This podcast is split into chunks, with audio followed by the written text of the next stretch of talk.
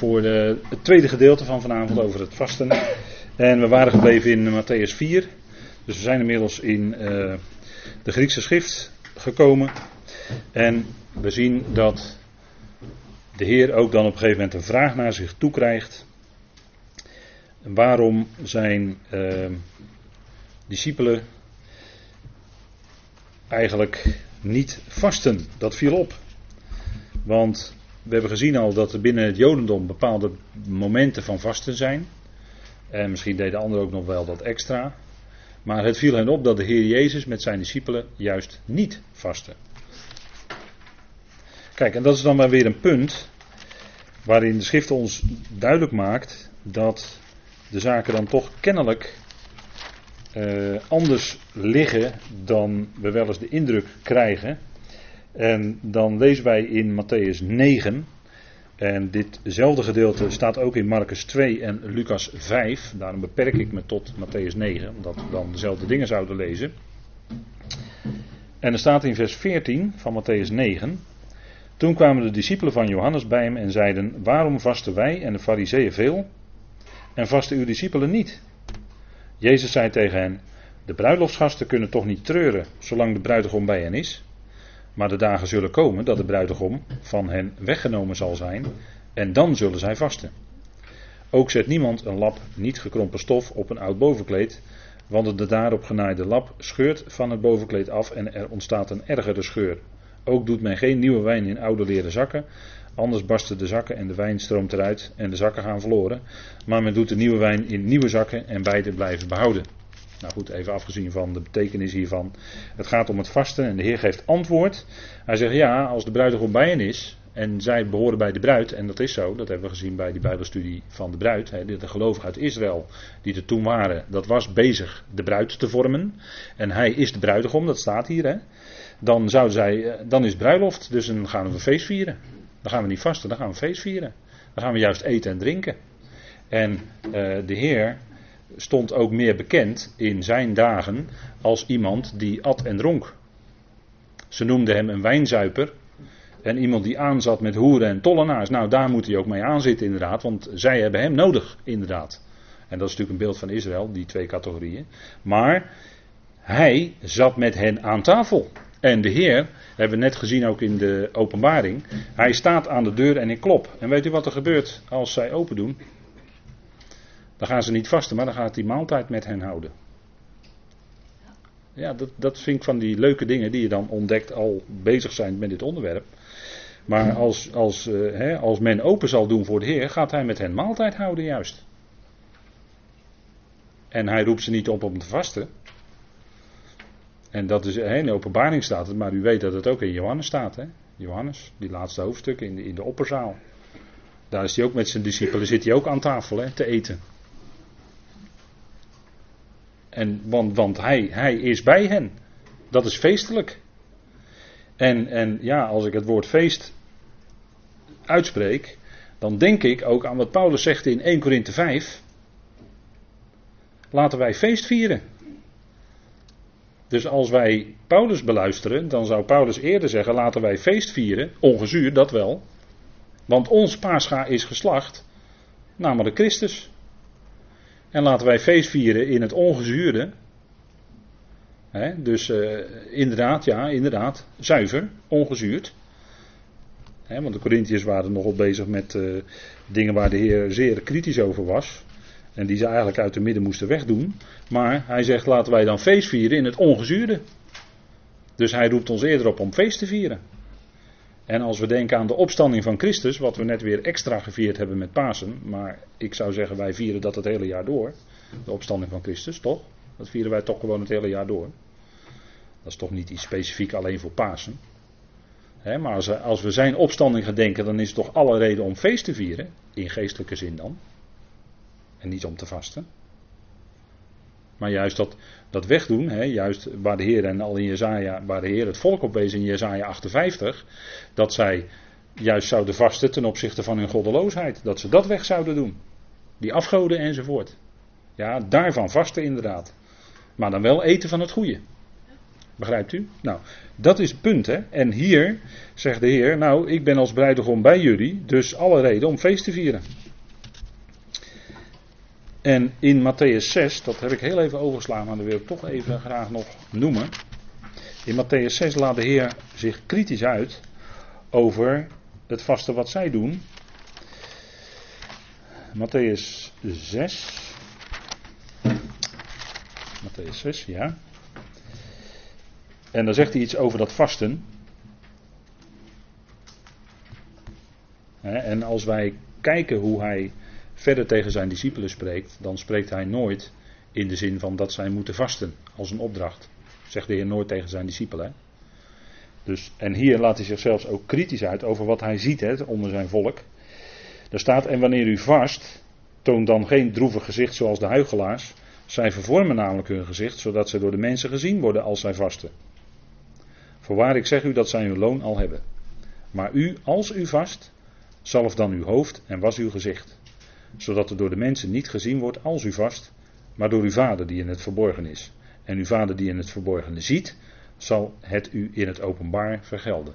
En de Heer zegt van nou, als je nou vast, doe dat dan gewoon in de binnenkamer. En dat zegt hij eigenlijk ook van gebed. Hè? Als je bidt, doe dat in de binnenkamer. En doe dat niet zodat iedereen het kan horen. Hè? Want dan, eh, dan doe je dat waarschijnlijk opdat iedereen dan kan zien hoe goed jij wel bidt en hoe goed jij wel vast. Maar hij zegt eerder van, nou uh, was je gezicht zodanig dat de mensen eigenlijk helemaal niet zien dat je aan het vasten bent. Hou dat voor het verborgen en doe het voor het aangezicht van God. Maar ze waren bezig dus met iets aan de buitenkant. En daar wijst de Heer natuurlijk steeds op. Hè.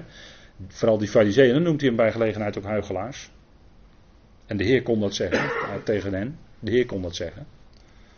dat, dat, dat is wat wij lezen. Nou, ze waren dus veel meer bezig met de buitenkant. En ook dat vasten is weer iets, even afgezien of we dat als opdracht in de Bijbel vinden voor ons, is ook iets wat gauw aan de buitenkant gaat zitten. Van kijk eens hoe goed ik aan het vasten ben. Of kijk eens, ik doe ook mee aan het vasten. Of... En waarvoor dan? Waarvoor vast je dan? dat, dat zijn allemaal van die vragen die je kan stellen. Goed, dan wordt dat woord voor vasten ook gebruikt in Matthäus 15. Matthäus 15.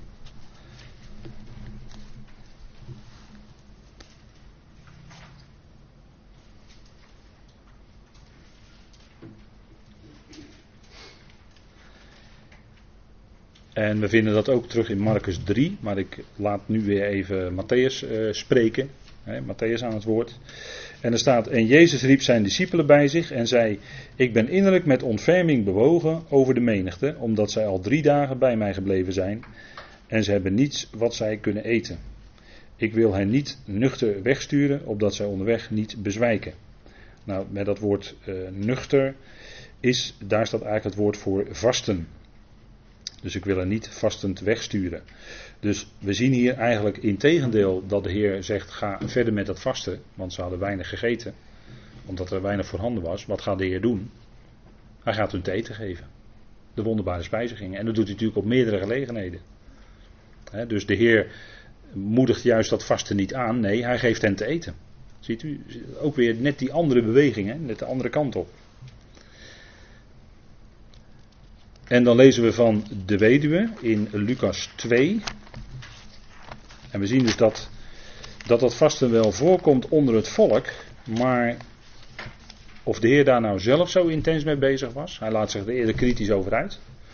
Of dat de Heer dat nou als opdracht aan zijn discipelen zei. We vinden het niet eigenlijk in de Evangelie.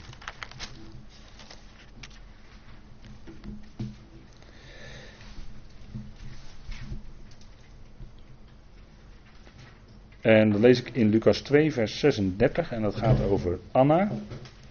Ook Anna was er, een profetes, een dochter van Fanuel uit de stam van Aser. Zij was op hoge leeftijd gekomen en had na haar meisjesjaren zeven jaar met haar man geleefd. En ze was een weduwe van ongeveer 84 jaar, die de tempel niet verliet en met vasten en bidden God dag en nacht diende. Nou, hier wordt dus gesproken over dat zij inderdaad vasten in de tempel. En uh, je zou je ook zo daarbij kunnen voorstellen dat zij zo intens met die dingen bezig was, hè, met gebed en in de tempel was ook het kon ook het onderwijs uit de Torah gevolgd worden. Hè. De priester moest dat doen. Hè. In Israël had je de lerende priester, die moest onderwijs geven uit de Torah. Nou, daar was zij ook mee bezig en met bidden. En als je daar intens mee bezig bent, dan kan het best zijn dat je uh, wel eens dat eh, eten vergeet. Dat je dat, dat zo intens is, zo je in beslag neemt. Dus of dat. Hè, en hier wordt ook verder niets gezegd over vasten als een voorschrift. Hè. En dat kon ook niet, dat kan ook niet, dat hebben we gezien, omdat het eenvoudigweg in de Torah niet voorkomt als opdracht. Dan Lucas 18, en daar zien we weer hoe dat vasten dan ook gebruikt wordt op een manier waarvan de Heer toch duidelijk iets zegt. Lucas 18.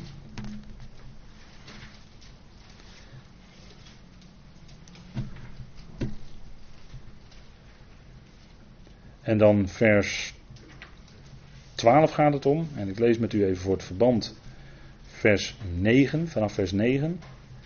En hij, dat is de Heer, sprak ook met het oog op sommigen die van zichzelf overtuigd waren dat zij rechtvaardig waren. En anderen minachten deze gelijkenis. Twee mensen gingen naar de tempel om te bidden. De een was een fariseer en de ander een tollenaar. De fariseer stond en bad dit bij zichzelf. O God, ik dank u dat ik niet ben zoals de overige mensen, rovers, onrechtvaardigen, overspelers of ook als deze tollenaar. Ik vast tweemaal per week. Ik geef tiende van alles wat ik bezit. En de tollenaar bleef op een afstand staan en wilde ook zelfs zijn ogen niet naar de hemel opheffen, maar sloeg op zijn borst en zei: O God, wees mij de zondaar genadig. En ik zeg u, deze ging gerechtvaardigd naar huis, in tegenstelling tot die andere. Want ieder die zichzelf verhoogt, zal vernederd worden. En wie zichzelf vernedert, zal verhoogd worden. Dus ook hier zien we dat die hele tekening die de Heer doet over die fariseeën, want hij spreekt hier een gelijkenis uit. Hè? Een tekening die hij doet van de fariseeën, daarin herkenden natuurlijk die fariseeërs zichzelf. En zij stonden voor het volk. Hè? En zij verhoogden zich ten opzichte van de anderen. En hij zei bij zichzelf allemaal dingen van, nou ik doe het toch wel heel erg goed. Hè? Ik vast twee keer per week. En ik doe dit en ik doe dat. En ik ben blij dat ik niet zo ben als die ander. En hij had genezing nodig, die fariseeën. Hij had genezing nodig. En hij ging niet gerechtvaardigd naar huis. Hè? Dat zegt de Heer ook niet. Die ander, die tollenaar, die zich bewust was van zijn situatie. En die vroeg aan God om een bescherming. Om een verzoen, niet een uh, genadig, maar hij vroeg om een bescherming, hè, staat er dan. Hè, wordt dat woord voor bescherming in het Grieks gebruikt, hè, dat hilaskomai. Maar hij, die fariseer, die verhief zich dus boven die anderen. En die vond dat hij toch wel geweldig goed deed. Maar liefst twee keer per week vasten. Nou, en de Heer tekent dat dus op een hele scherpe manier, ironisch, over wie die eigenlijk was. Goed, dan gaan we door naar Handelingen 10. Want in Johannes staat het woord vasten niet. En Handelingen 10, daar zien we dan Petrus. En die moet dan naar Cornelius gaan. Petrus moet naar Cornelius gaan en u weet, dan krijgt hij dat bekende te zien van die verschillende dieren in dat laken wat naar beneden komt. En dan moet hij ook gewoon eten van die, wat hij dacht, onreine dieren. Maar ja, als God ze voor rein verklaart, dat is God, hè? die staat natuurlijk boven de wet. En als die ze rein verklaart, dan kan hij gewoon alles eten. Zegt Paulus ook tegen ons, hè? wij kunnen gewoon alles eten. Hè, want juist uh, het punt van uh, onthouding of ascese, als Paulus het daarover heeft in 1 Timotheus 4, dan zegt hij juist in verband daarmee dat God ons alles geeft om te genieten, om te eten. We mogen gewoon alles eten uit zijn schepping. We hoeven geen navraag te doen. Of het dan al dan niet aan de afgoden geofferd is, hoeven we helemaal niet na te vragen, want het is gewoon vlees of iets voedsel. We kunnen gewoon alles eten. We zijn volledig vrij in Christus. En wat dat betreft, hè, zet Paulus ons eerst eerder in de richting van je mag alles eten en nuttigen, genieten uit Gods schepping, want God heeft het geschapen, Hij geeft het. In plaats dat Paulus daar wijst met, op het meedoen met vasten. want daar heeft hij het over onthouden, he, ascese onthouden van spijzen enzovoort. En juist wijst hij net als de Heer eigenlijk de andere kant op, dat we alles mogen eten en drinken. Handelingen 10. vers 30. En daar zegt Cornelius. En Cornelius zei: Vier dagen geleden had ik tot dit uur toe gevast. En op het negende uur bad ik in mijn huis. Dus Cornelius was een proseliet, hè? En die was genaderd, een proseliet is dus iemand die genaderd tot Israël. In, in die tijd in handelingen ging dan Peters en de anderen van de besnijdenis gingen bij gelegenheid naar proselieten. En Paulus is eigenlijk de eerste die echt naar, om het zo maar te zeggen, pure heidenen gaat. En uh, dan zegt hij ook, er is een deur van het geloof geopend. Als er uit Antiochië is weggegaan en met Barnabas daar weer terugkomt. Einde van handelingen 14 zegt hij, en er is een deur van het geloof geopend voor de natie. En God heeft daar geweldige dingen gedaan. En als Cornelius naar een heide gaat, is het een proseliet die al genaderd is tot het Jodendom. Dus dat is een andere situatie. En bovendien werd Petrus nog wat matje geroepen in Jeruzalem waarom hij dat gedaan had. Waarom hij met zijn voet over de drempel bij een proseliet notabene had gezet. Dat was al iemand die eventueel al een beetje als Jood gerekend kon worden, omdat hij genaderd was tot. En die Cornelius zegt dan, hè, dat is een godvrezende man, en zegt hij nou, vier dagen geleden had ik gevast. En dat is precies hetzelfde moment dat Petrus dat gezicht krijgt in dat laken. En is Cornelius aan bidden en vasten. Maar ook weer zien we hier dat vasten. Wordt gewoon gezegd, ja, hij deed dat. Maar niet als iets waarvan hij dan toevoegt, omdat het opgedragen wordt in de schriften. Ja. Waarom staat het er dan? Omdat het gebeurde, omdat het gedaan werd. En het, zoals we gezien hebben, het wordt, het wordt in, in, in allerlei andere religies wordt ook gevast. Dus dat maakt eigenlijk helemaal geen verschil. Maar als je wil uh, onthouden van bepaalde dingen om je meer te richten op Gods woord, ja, nou ja, wat is daarop tegen? Maar het punt is dat op het moment dat je uh, gaat vasten als, als zie je het als een religieuze inzetting, of dat je dat uh, moet doen. Er staat geen opdracht in de Bijbel dat wij moeten vasten. Staat nergens.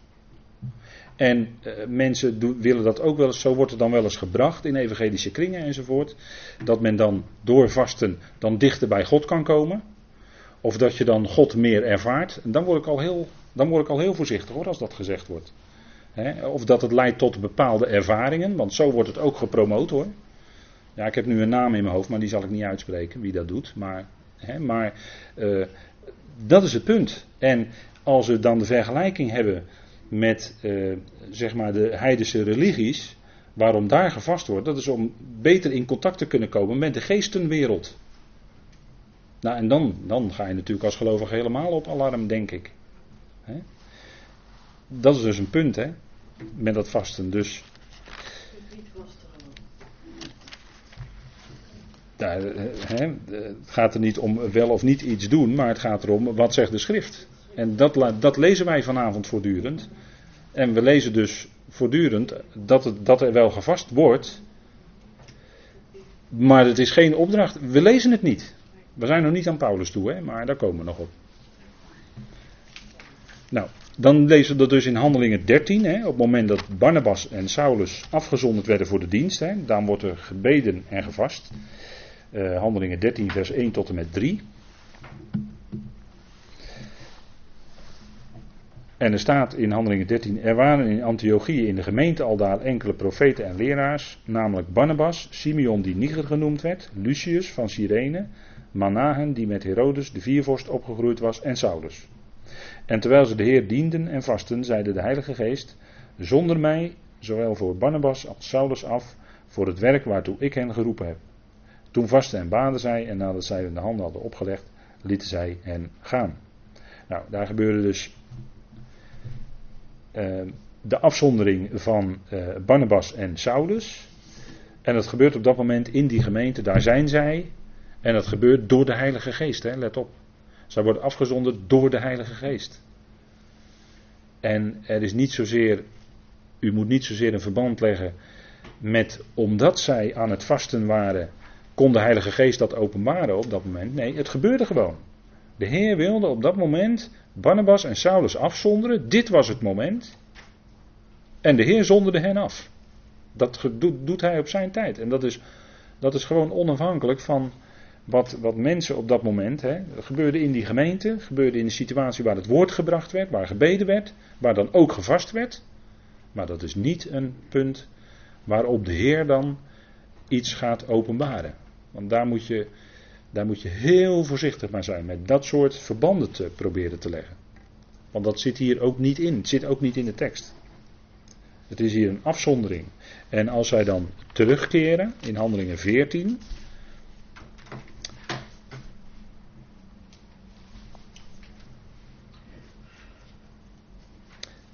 Dan zijn ze op terugreis door uh, de steden waar ze al geweest zijn. En dan staat er in vers 23: En toen zij in elke gemeente door het uitsteken, staat er eigenlijk van de hand, voor hen oudsten gekozen hadden. Ik, ik blijf daar verder even af wat daar precies staat hoor. En onder vasten gebeden hadden, droegen zij hen op aan de Heer, in wie zij nu geloofden. Dus daar, ook daar zien we dat men bij gelegenheid uh, vaste. Nou goed, ook dat is niet een punt waarvan je zegt, ja goed, zij ontmoeten elkaar, er werd op dat moment gebeden, er werd ook gevast. Nou, misschien door Joodse mensen die dat gewend waren, zou ook nog kunnen. Maar we vinden hier ook geen duidelijke aanwijzing dat het iets is wat als een regel zou moeten gelden. En dan vinden wij nog in Handelingen 27, vers 9 tenslotte voor Handelingen. Het woord vasten.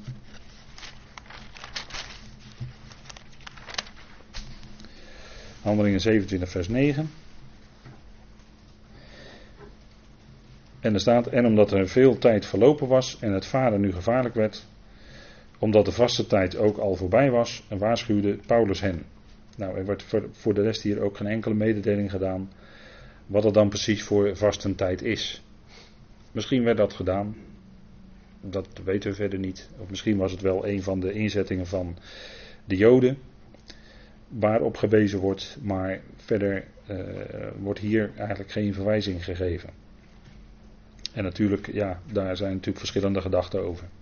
Maar in ieder geval wordt het daar alleen even genoemd. Hè? De vastentijd was voorbij. En hoe zien we dat dan bij, bij Paulus? Bij Paulus, want dan, ja, als we, als we een aanwijzing zouden vinden, of moeten vinden, dat de gemeente die het liggen van Christus is, iets zou moeten doen aan vasten, dan zou het bij Paulus moeten vinden. want dat is voor ons dan de leidraad waar wij kunnen vaststellen, goed, Paulus geeft het aan in een brief en dan nog het liefst in Romeinen of in Efeze, want dat zijn de grote leerbrieven van Paulus. Dan zou het eigenlijk daarin moeten staan. En daar vinden wij het niet. Wij vinden het niet in Romeinen, het woord vasten. Wij vinden het niet in de Efezebrief. Dus het wordt al heel moeilijk om dat woord te vinden zelfs. Het staat dan wel hier in twee keer in 2 Korinthe. En dat gaat over de persoonlijke ervaringen van de apostel Paulus. Dus Paulus' lijden en verdrukkingen. Dus wat hem overkwam.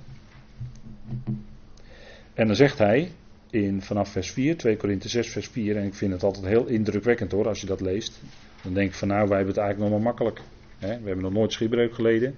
Misschien wel eens een keer met pech langs met de auto langs de weg gestaan. Maar ja, wat is dat nou in vergelijking met schipbreuk? Hè? Maar daar staat, maar in alles bewijzen wij onszelf als dienaars van God. In veel volharding. In verdrukkingen. In noden in benauwdheden, in slagen, in gevangenissen, in oproer, in ingespannen arbeid, in nachten zonder slaap, in vasten, in reinheid, in kennis, in geduld, in vriendelijkheid, in heilige geest, in ongeheigelde liefde. Alsjeblieft, dat is wat. Dat is wat. Als je dat allemaal overkomt en je gaat toch nog door, dan moet er wel iets in je zijn, en daar wijst hij ook op, Heilige Geest, dat is dan je kracht om door te kunnen gaan. Want als mens kan je dit allemaal niet doormaken en dan nog doorgaan. Maar Paulus ging nog steeds door. En dan zegt hij in vasten, hè, noemt hij dus in vers 5. Maar als we even kijken naar de grondbetekenis van het woord, is het niet eten. Hij had bij tijd en wijle niet te eten. En dan hoef je niet per se, hier is dan weliswaar het woord vasten vertaald en dat mag je vertalen. Maar het is niet eten. En eigenlijk is dat qua betekenis heel logisch in dit rijtje. In dit rijtje van lijden en verdrukkingen, dat hij bij gelegenheid niet te eten had, is volstrekt logisch. Hij had zoveel, zoveel ontberingen, hij maakte zoveel mee. Ja, het was ook wel eens tijd dat hij niet te eten had. En dat hij ook, eh, hij, hij, zegt dat ook tegen de Filippenzen, dat hij periodes had dat hij gebrek had. Hè, dat hij wist wat het was om gebrek te lijden. Hij wist ook wat het was om overvloed te hebben. En in alles vertrouwde hij op zijn Heer, omdat hij besefte dat uiteindelijk God het is, die eigenlijk de grote regisseur is, zou ik willen zeggen, ook van zijn leven. Ja, en als er periodes waren waarin hij eigenlijk tekort kwam, dan gaf de Heer toch altijd net weer voldoende dat hij toch door kon gaan. En daar vertrouwde hij op. En als er genoeg was, nou dan was er genoeg, dat was fijn. Maar Paulus die aanvaarde dat alles uit de hand van God. Nou, dat is een geweldig voorbeeld. Hè? Vandaar dat hij ook zegt, volg mijn voorbeeld na. Nou, ik vind Paulus een goed voorbeeld, geweldig voorbeeld. Want hij volgde Christus na. En daar gaat het uiteindelijk om. En wij vinden hetzelfde in 2 Korinthe 11. Laten we daar dan vanavond bijna mee afsluiten. 2 Korinthe 11 en dan vers 27. En ook daar zien we weer zo'n opsomming staan van zwakheden. En het wonderlijke is dat Paulus eigenlijk roemde in zijn zwakheden. Hij roemde in zijn zwakheden. Dat zouden wij niet doen. Wij zouden roemen in de momenten dat wij krachtig zijn. Hè? Dat we wat, wat konden doen. Maar Paulus roemde in zijn zwakheden. 2 Korinthe 11, dan lees ik met u even vanaf vers 26. Op reis was ik vaak in gevaar door rivieren, in gevaar door rovers, in gevaar van de kant van volksgenoten, in gevaar van de kant van heidenen, in gevaar in de stad, in gevaar in de woestijn, in gevaar op zee, in gevaar onder valse broeders. En dat is gevaarlijk hoor. Ja, hij, zegt, hij verbindt niet voor niks het woord gevaar aan valse broeders hoor. Wat dacht je wat? Dan was hij op zijn hoede hoor, enorm. Want daar had hij wel mee te maken gehad. En hoe? Ja, maar valse broeders, hè? Pseudo-broeders. In inspanning en moeite. Vaak in nachten zonder slaap. In honger en dorst. Vaak in vasten. Ziet u het? Hij, hij koppelt dat direct aan honger en dorst, hè? Vaak in vasten, in koude en naaktheid. Hè? Zelfs weinig kleding als het koud was. Maakte die ook allemaal mee. Te weinig kleding hebben. Nou, nou. Hij heeft wat moeten lijden, hè? Dat had de Heer ook aan het begin van zijn bediening gezegd. En dan zegt hij: Als er geroemd moet worden, dan zal ik roemen in mijn zwakheid. Ziet u het? Ik zal roemen in mijn zwakheid. En dat deed hij hier. Alles wat me overkwam. En vele, vele predikers zouden vandaag daar niet, dat niet eens noemen, dat ze in zulke situaties, omdat ze dat maar zwak vinden. Maar Paulus roemde in zwakheid, hij noemde het gewoon op. En, en, het geheim was natuurlijk dat de Heer nabij was. In al die situaties. De Heer is nabij, zegt hij toch steeds. Nou, dat, dat was zijn kracht. en, en de Heer zei, de Heer nam ook die, die van de tegenstander die je met vuisten sloeg, nam die niet weg. Nou, de Heer zei aan Paulus, mijn genade is jou genoeg. Mijn genade is jou genoeg. dat, dat, dat is het ook, hè? dat is ook geweldig. Want genade is altijd de bron van vreugde voor ons. Genade is vreugde eigenlijk. Hè? En genade komt voort uit die gelukkige God. Die ons genade schenkt en daarbij zelf vreugde heeft als hij het schenkt. Zo is God. Nou, dat is heel bijzonder. En Paulus mocht die boodschap van genade doorgeven. En juist in moeilijke omstandigheden zei de Heer tegen hem, Paulus, mijn genade is jou genoeg. Want mijn kracht, en dat is die genade, want mijn kracht wordt juist in jouw zwakheid zichtbaar. En dat is tot eer van hem. En dat is het geweldige. Hè? Wat zijn kracht is die genade die God geeft. Nou, bijzonder hoor. Maar dit is natuurlijk een onderwerp waar, we, ja, waar je avonden mee kan vullen, omdat er zoveel over te zeggen is. Zoveel fijns vanuit de brieven van Paulus. Maar we gaan nog even afsluiten. Nu met het woord uit Colossense. Want als wij vanavond gestudeerd hebben, dan was dat over de vraag: is vasten een Bijbelse opdracht? En ik heb met u vrijwel alle vindplaatsen van het woord vasten in de Bijbel nu nagelopen. En dat vind ik altijd het beste getuigenis. Gewoon het woord laten spreken. Want ik heb niet zoveel te zeggen, maar het woord wel. En u moet ook mij niet geloven, maar u moet geloven wat er geschreven staat. En dan is het voor ons, kan het eigenlijk voor ons nooit zo zijn, ja, maar die en die zegt dat en dat. Nee, dan wijs ik erop, wat staat geschreven? Onderzoek dan zelf of deze dingen zo zijn. Wees een bereer. Ga het na. Nou, is vasten een Bijbelse opdracht? Wij hebben vanavond geen opdracht gevonden in de schrift die zegt dat wij als gelovigen zouden moeten vasten. Dus is vasten een Bijbelse opdracht? Nou, Paulus geeft eigenlijk het antwoord in Colossense 2, waar hij zegt, en daarin zit toch een geheim eigenlijk. Indien jullie dan tezamen met Christus afstierven aan de grondregels van de wereld, waarom laten jullie je als levend in de wereld, of als levenden in de wereld, onder inzettingen plaatsen? Dat je niet zal aanraken, of proeven, of zou beroeren, wat alles tot bederf is door gebruik, in overeenstemming met de voorschriften en leringen van mensen. Ziet u het? Paulus die wijst hier heel ernstig op dat wij ons als gelovigen helemaal niet onder inzettingen plaatsen. Waarom niet? Omdat wij afgestorven zijn met Christus. Wij zijn gestorven met Christus. En daarmee is daar een einde gekomen aan onze oude mens, onze oude mensheid. En zijn wij in Christus een nieuwe schepping. We zijn in Christus een nieuwe schepping. En in de nieuwe schepping gaat het er helemaal niet om of wij ons onder de inzettingen plaatsen, want dat hoort nu juist bij de oude schepping. En daar kun je het vasten ook onderscharen. Het vasten behoort ook bij die inzettingen waar Paulus het hier over heeft. Want hij zegt, hij ligt er toe in vers 21, dat je niet zal aanraken of proeven of zou beroeren. Dus niet eten. Wat alles tot bederf is door gebruik, hè, want er zijn allerlei gebruiken die ingesteld worden, maar dat gaat allemaal voorbij. Dat, zijn allemaal voorbijgaande dingen. Waarom? Omdat het hoort bij de oude schepping. En in de nieuwe schepping gelden zulke inzettingen helemaal niet. Gelden hele andere principes. En dan zegt hij ja, want dat alles is in overeenstemming met de voorschriften en leringen van mensen. En vandaar ook dat wij het eigenlijk in alle religies tegenkomen, dat vasten. Kijk, nu komt even de scherpte van Colossense 2 naar voren. Hè? Dit is de scherpte van de schrift, zoals Paulus het laat zien. En er staat er, die zijn weliswaar een roephebbend van wijsheid, in een zelfgewild ritueel en in nederigheid en het niet sparen van het lichaam. Vasten, hè? Als je heel lang doorgaat met vasten, nou, dan spaar je je lichaam niet hoor, want dat is een aanslag op je lichaam. En in hele extreme situaties kennen wij eh, anorexia bijvoorbeeld. Maar dat is heel extreem, hè? Maar dat is een aanslag op je lichaam hoor.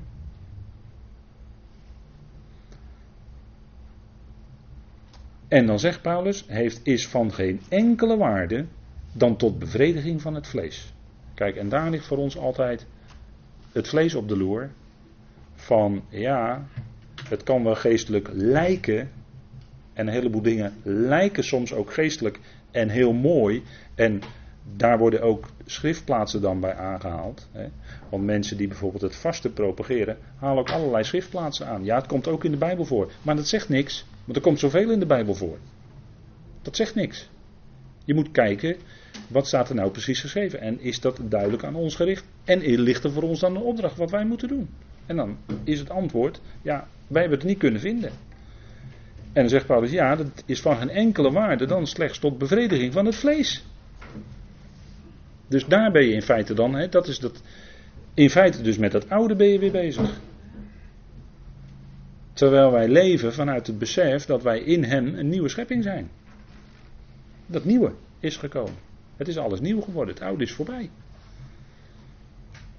En dus alle reden om in geestelijke zin met de apostel feest te vieren. Zou ik bijna willen zeggen. Want dat is de opstanding van Christus. Goed, ik wilde het tot zover voor vanavond laten.